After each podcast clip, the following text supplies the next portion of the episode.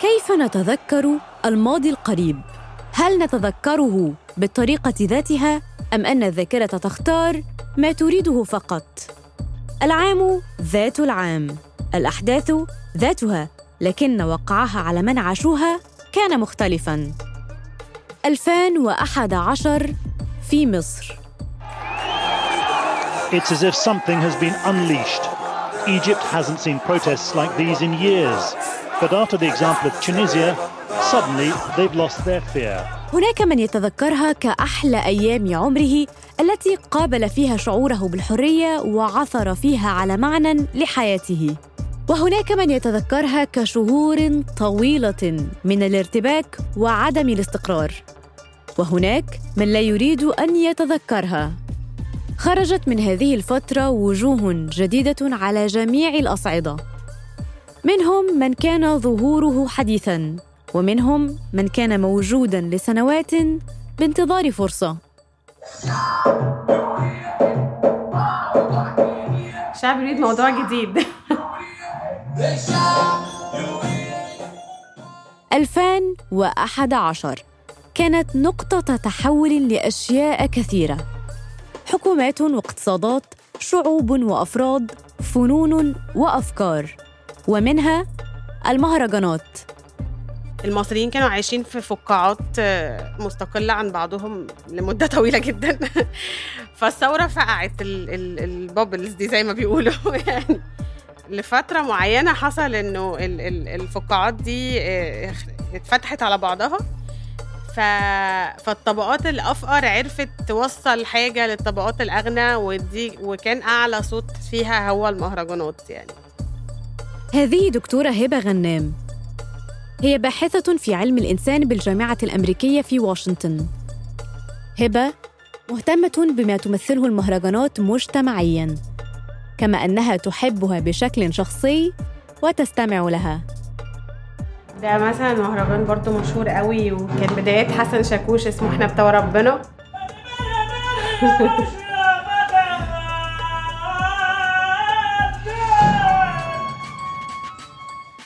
منذ أول لحظة سمعت فيها هبة أول مهرجان بعد ثورة يناير تعلقت بهذا الفن. أفتكر كان أوكا كان حفلة أوكا أورتيجا في وسط البلد في القاهرة 2012 وكان بعد الثورة على طول كان حاجة اسمها آه، مهرجان المزيكا المعاصرة على ما أتذكر أو حاجة زي كده وأنا شفتهم داخلين مسرح وأنا كنت رايحة المهرجان. وما كنتش لسه سمعت أصلا مهرجانات قبل كده خالص يعني هذه الحلقة الثانية من سلسلة بودكاست فصول عن المهرجانات. في الحلقة الماضية تعرفنا على المهرجانات. ما هو هذا الفن؟ وكيف نشأ في مصر؟ لماذا سمي بالمهرجان؟ ومن هم صانعوه الأوائل؟ أما في هذه الحلقة فنتحدث عن مرحلة التحول التي مرت بها المهرجانات ومن يغنونها. كيف وصل هذا الصوت إلى الساحات العالمية؟ وهل صار مقبولا محليا؟ أنا دعاء فريد في الإعداد والتقديم وبشار العزاوي في الإخراج وهذه حلقة جديدة من بودكاست فصول. نروي معا فصول الحكاية. في الحلقة الماضية كنت أحاول حسم موقفي. هل المهرجانات تعبر عن الواقع أم تغيره للأسوأ؟ وللبحث عن الإجابة تعرفت على الفنان شبرا الجنرال الذي بدأ من حي الزاوية الحمراء الشعبي. لأن أنا هنا مش مش مغني مهرجانات بس أنا أنا فنان بعمل أي نوع من المزيكا. أنا راجل أرتست بعمل فن بشكل خاص ليا أنا أنا صانع عالم ليا أنا اللي فيه. هو ما مش مش مهرجانات ومش راب ومش أي نوع مزيكا ومالوش مسمى هو بس عالم بتاعنا أنا عايش فيه. شبرا الجنرال خرج من دائرة المهرجانات وطور إنتاجه وفنه. خرج من الأحياء الشعبية ووصل إلى شاشات التلفاز والبيوت. أما المهرجانات فلا تزال فناً غير منظم رسمياً بل ولا تزال فنا غير مقبول في مجالات عديدة. ذلك سنعرف أسبابه بعد قليل. سنعرف لماذا تتهم المهرجانات بأنها تغير الواقع للأسوأ وتؤثر سلباً على المجتمع فنياً وثقافياً. لكن أولاً هل هذا ما يحدث؟ أم المهرجانات تعبر فقط عن واقع موجود؟ في السنوات التي تلت ثورة 2011 انتشرت المهرجانات أكثر ووصلت إلى معظم الطبقات الاجتماعية. وكانت أيضا تلك الفترة مرحلة تحول في المسيرة الفنية لشبرا الجنرال أنا من من زمان كنت بحلم إن أنا أعمل الحاجة مزيكا ليا أنا خاصة بيا أنا. تعاصر ويعني تبقى زيها زي ال- الراي تبقى زيها زي الهيب هوب تبقى حاجة already اتحطت في التاريخ فاهماني؟ أصبح اسم شبرا ذائع الصيت بين الناس وبين فناني المهرجانات. إلى أن جاءت له فرصة غيرت مجرى حياته. تقاطعت حياته مع الفنان ومصمم الرقصات الفرنسي أوليفييه دوبوا تقاطع غير مألوف لكنه حدث. كان في آه، audition معمول من آه، شركة اوليفيه ديبوا آه، في اسكندرية ل ل- هو كان نداء كده للموسيقيين والراقصين في من الشارع المصري للمهرجانات والرقص الشعبي. بعتوا لي آه، عاملين audition ومحتاجين راقصين ومغنيين. وإحنا عارفينك ومتابعينك وحابين إن أنت يعني تنضم معانا في كده عاش أوليفييه حياته بين باريس والقاهرة. وعاصر تلك الموجة الجديدة وقتها لموسيقى الإلكترو شعبي أو المهرجانات وكيف انتقلت من الشارع إلى وسائل المواصلات ثم الأفراح ثم وسائل الإعلام. أعجب بجموح وعشوائية هذه الموسيقى والرقص عليها. شعر أنها لغة جديدة. وفي 2019 قرر أوليفييه تصميم عرض فني راقص لموسيقى المهرجانات. طلب متقدمين. ذهب شبرا الجنرال وقبل هو واثنان آخران كمؤدين رئيسيين في العرض. سمي هذا العرض إتمهرج. عندما سمعت فعل إتمهرج المأخوذ من كلمة مهرجان بدت في البداية وكأنها أمر. هي فعل جديد على أذني. كيف تحديداً أتمهرج؟ لكن بالتمعن في الكلمة شعرت أنها دعوة للاستمتاع والتقبل. فأنا فكرت في ال- في الفكرة و... لأن طول الوقت أنا دايما كنت عايز أخرج بره الصندوق إن أنا أطلع حفلة و... وأرجع لأ. كنت دايما الموضوع عندي كان أكبر بكتير. ذهب شبرا الجنرال إلى فرنسا كفنان ومؤد لفن يعبر عنه وعن حقيقته. وعملنا بيه المشروع ده هنا 35 بيرفورمانس في في أوروبا. اشتغلنا في مسارح عالمية كبيرة جدا. والمشروع مدعوم من الاتحاد الأوروبي. وعملت حفلات بره المشروع بقى شغل آه، حاجات خاصة ليا أنا. هل تتأثر موسيقى المهرجانات الخاصة بشبرا بهذا الاحتكاك مع الثقافة الأوروبية؟ شارك شبرا في العديد من المهرجانات والاحتفالات في فرنسا وألمانيا وسويسرا. وهذه المشاركات جعلته يطور من أغانيه لتجمع بين ثقافتين. المهرجانات والراب.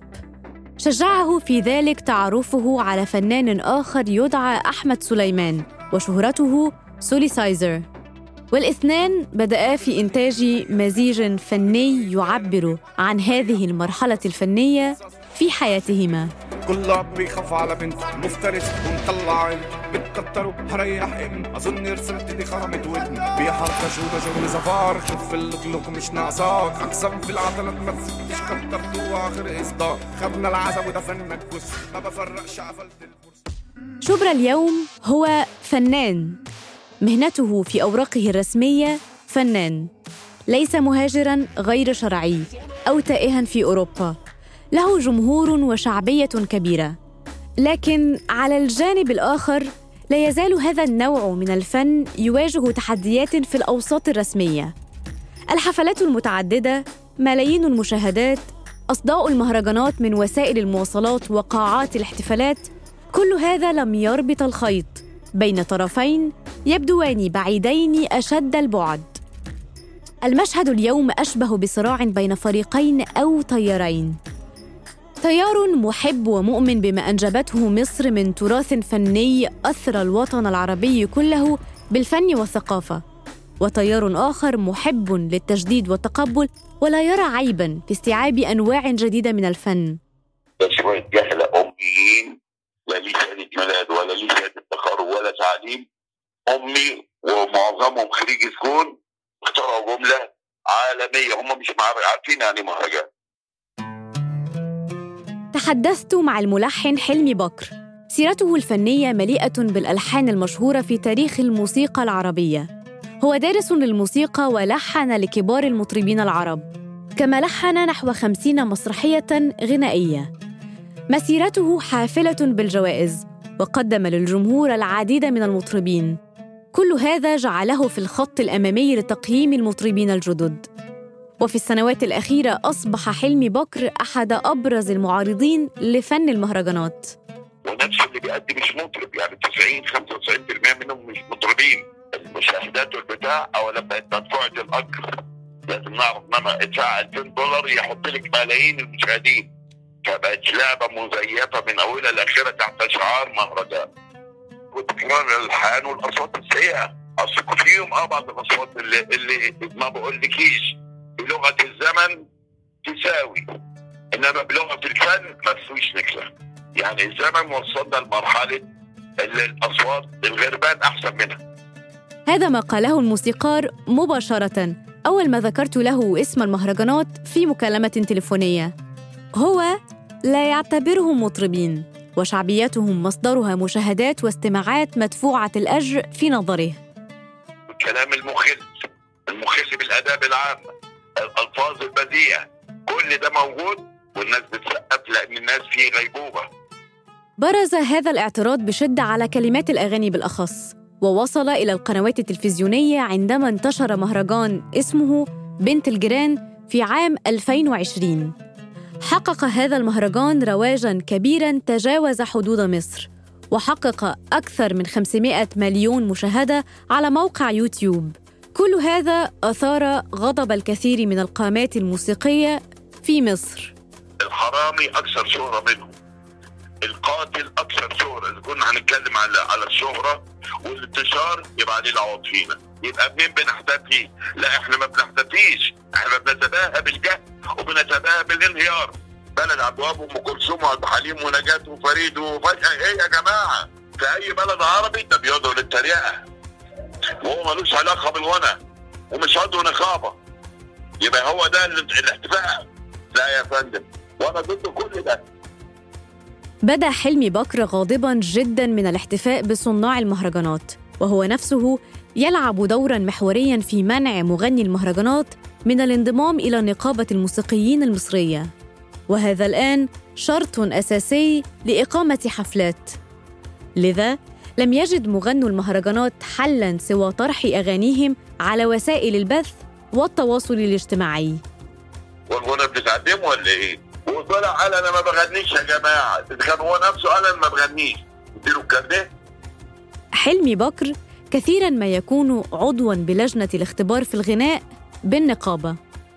نقابة الموسيقيين بتعمل بلائحه لائحه وقانون بيضبط وينظم قبول العضو أو منح التصاريح لكل من يرى اللائحه دي ملهاش دعوة بالشعبية وملهاش دعوة بإن حد ليه شعبية أو ملوش شعبية. هناك آلية بيضبطها القانون واللائحه إحنا ماشيين عليها من قديم الأزل من إنشاء النقابه وماشية بافرازه أم كلثوم وافرازه عبد الوهاب وإلى آخره وإلى آخره. المتحدث باسم نقابة الموسيقيين طارق مرتضى يقول إن انضمام أي فنان للنقابة يستلزم تقديم الأوراق المطلوبة واجتياز اختبار للغناء. والاختبار تحديدا هو ما يفشل فيه معظم مؤدي المهرجانات نظرا لاختلافه عن الغناء الكلاسيكي. مهمة تبدو سهلة لكنها صعبة. مغنو المهرجانات لا يعتبرون ما يقومون به غناء صرفا. هي تجربة فنية يعبر فيها المؤدي عن واقع يعيشه بنغمة وكلمات مختلفة. هذا ما وصفه شبرا جنرال. وتتفق معه الباحثة هبة غنام. فأنا لو من مثلا حد زي أوكا أورتيجا أو حسن شاكوك مش هدخل أصلا في الحوار ده لأنه أنا عندي ملايين من ال fans. يعني أنا ليه محتاج أصلا أدخل أسبق وألعب اللعبة بقواعدك القديمة اللي راح عليها خلاص وما بقتش بتمثل حاجة جاذبة للناس؟ هبة ترى أن المشهد الغنائي والفني في مصر كله تغير والفيصل هو ما يحتاجه الجمهور.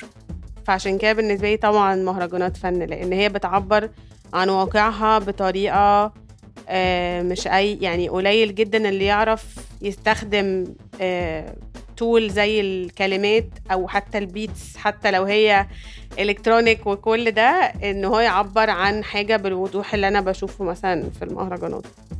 صحيح أن مصر أنجبت تاريخا موسيقيا تفخر به المنطقة العربية كلها. لكن في السنوات الأخيرة تغير الواقع المصري إلى حد كبير. معدل الفقر في مصر يقترب من 30% نسبة الأمية بلغت 25% ونسبة الفقراء بين المتعلمين تخطت 65% ويقدر عدد سكان المناطق العشوائية في القاهرة ب 14 مليون شخص. وهذا الرقم يتجاوز ثلثي عدد السكان في العاصمة المصرية. هل غيرت هذه الحقائق الذائقة الموسيقية للمصريين؟ وهل المهرجانات تعبير صادق عن واقعهم الحقيقي؟ من الأماكن اللي ممكن تبص عليها وتشوف علاقة وتشوف قطعة من المجتمع المصري ممثلة بطريقة بالنسبة لي واضحة جدا لأن أنت تشوفها وتحللها حتى من بعيد مواضيع أغاني المهرجانات نفسها متنوعة نعم لكن محورها الأساسي حكايات عن مشاكل اجتماعية ومواقف تخطى فيها المغني البطل عقبات الحياة وعن صراعه مع آخرين خذلوه. في تيمات متكررة جدا في في المهرجانات في المطلق ومنها غدر الصحاب. وده أنا بالنسبة لي واقعي جدا ومعبر جدا عن فكرة إن أنت ما بتبقى في مجتمع غير مخدوم والدولة مش مش عاملة لك الموارد اللي أنت تقدر تعيش بيها حياة كريمة. فأنت غصب عنك بتلاقي بتبني آه، ما يسمى بالشبكات الاجتماعية حواليك عشان تقدر يبقى عندك اكسس للموارد دي. عندما تصنع موسيقى عن واقع محدد وتعبر عنه تصل بطريقة ما للناس فتزداد شعبية ما تقدمه. هذا ما حدث مع فناني المهرجانات. ياخدوا بقى كل المقاسي اللي هم عاشوها دي ويحولوها لرأس مال. يعني ودي حاجة بالنسبة لي آه أنا شايفاها فيها إبداع لأنه التحرك بين الطبقات في مصر شبه مستحيل دلوقتي. فأنت أما تيجي من طبقة فقيرة كده وفيها مشاكل وغير مخدومة ومهمشة وتاخد كل المشاكل دي وتحولها لوسيلة أنت تعمل منها فلوس. لكن تظل وصمة تواجه هذا النوع من الفن. وهي وجود بعض الكلمات الموصوفة بالخارجة عن الحياء العام في بعض المهرجانات. وهذا هو تحديدا ما يعيه صناع المهرجانات ويحاولون تغييره. غير مصر غير مصر كده يعني الموضوع صعب جدا. على طول لما يكون حد لسه بيبدأ دايما بيبقى فيه هجوم من غير ما حتى يبقى حد شايف حاجة. هي يعني شبه سخرية زي كده. إنما في فرنسا هنا موضوع مختلف هنا بالمجهود. كل واحد بيجتهد وفي دعم وفي آه، الناس هنا شايفاني برضو إن أنا فنان آه، مديني حقي كويس جدا. كل ورقي بيقول إن أنا فنان. حتى الفيزا ال- اللي معايا اللي بتحرك بيها الإقامة اللي معايا كلها بتقول إن أنا فنان. بنهاية إعداد هذه السلسلة من الحلقات أدركت أن الأطراف ليست بعيدة عن بعضها تماماً. طرفا المعادلة فنانون يحبون الفن ويؤمنون بقدرته على التعبير. الاختلاف هو الوسيلة لكن التنوع نفسه أمر مقبول. وببعض التغييرات من هنا ومن هنا يمكن الوصول لشكل مرض لجميع الأطراف. الفن هو وسيلة تعبير ليس لها حدود دائما ما تتجدد وتتغير. والتغيير لا يعجب الجميع. لكنه يعجب البعض. بعض يكفي لكي يضمن هذا الفن الجديد الاستمرار. وأنا ما زلت مكمل في طريقي و... ومش عارف بقى لسه هروح فين تاني. أنا. حابب إن أنا أروح في عوالم آه، بعيدة عني وأعمل أنواع كتير آه، مختلفة و... وربنا يكرم في اللي جاي. هذه تحياتي أنا دعاء فريد وهذا بودكاست فصول مع النروي فصول الحكاية. استمعوا لبودكاست فصول على تطبيقات البودكاست أبل وجوجل وسبوتيفاي وساوند كلاود وعلى الحرة dot com وأثير راديو سوا.